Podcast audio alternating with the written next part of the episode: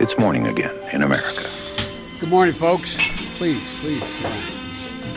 Come on, let's go. Let's go get some coffee. Thank you very much. Det er torsdag 2. april. Joe Biden vil debattere med Trump på Zoom. Nasjonalgraden skal jobbe i stemmelokaler i Wisconsin, og morgenkaffen er servert. Dagens første sak. Biden gjør koronajusteringer. I går sa Biden at han er klar for å prøve nye metoder i valgkampen mot Donald Trump, enten debatt på Zoom eller Skype eller hvor enn Trump måtte ønske det. Americans who are watching you right now who are scared.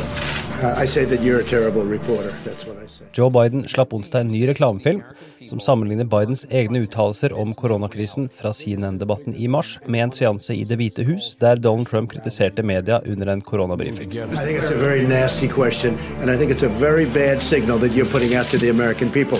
The American people are looking for answers and they're looking for hope. And you're doing sensationalism. You know, I laid out in detail what I would do if were I president today. You can go to joebiden.com. And uh, the same with NBC and Comcast. I don't call it. I don't call it Comcast. I call it Concast. First of all, I have to take care of those who, in fact, are exposed or likely to be exposed to the virus. And that means we have to do testing. That's really bad reporting. Biden sa også i går at det er vanskelig å se for seg at man kan gjennomføre sommerens landsmøte som planlagt, og at man kan bli nødt til å tenke annerledes. We have, we ought to be able to. We were able to, in the middle of the Civil War, all the way through to World War II, have have Democratic and Republican conventions and primaries and elections, and still have uh, public safety. And we're, we're able to do both, but the fact is it may have to be different. Ifølge Wall Street Journal vil tidligere president Barack Obama vente til nominasjonen er formelt klar før han involverer seg i valgkamp på Joe Bidens vegne. I og med at så mange primærvalg er flyttet pga. koronakrisen, mister Biden-kampanjen mye verdifull tid, der Obama, som fortsatt er svært populær, kunne vært brukt i valgkampen.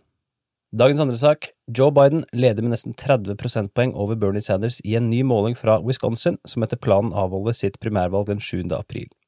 Biden får 62% blant demokratiske velgere i målingen, mens Sanders noterer seg for 34 I samme måling leder Biden med 48 mot Donald Trumps 45% blant alle velgere, mens Trump får 47% i en tenkt matchup mot Bernie Sanders, som får 45 I Wisconsin tas nå en rekke grep for å sikre avviklingen av valget 7. april, til tross for koronautbruddet.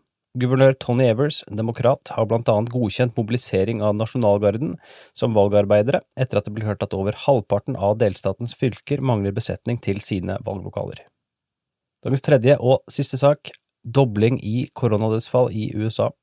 Også Florida vil nå utstede en såkalt stay at home-ordre.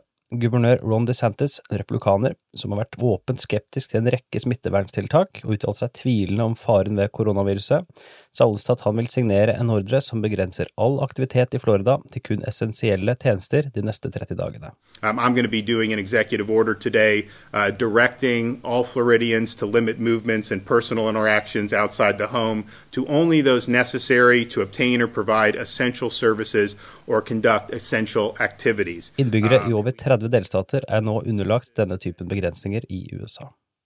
Det er per nå over 4500 rapporterte dødsfall fra koronavirus i USA, mer enn en dobling i løpet av de siste tre dagene.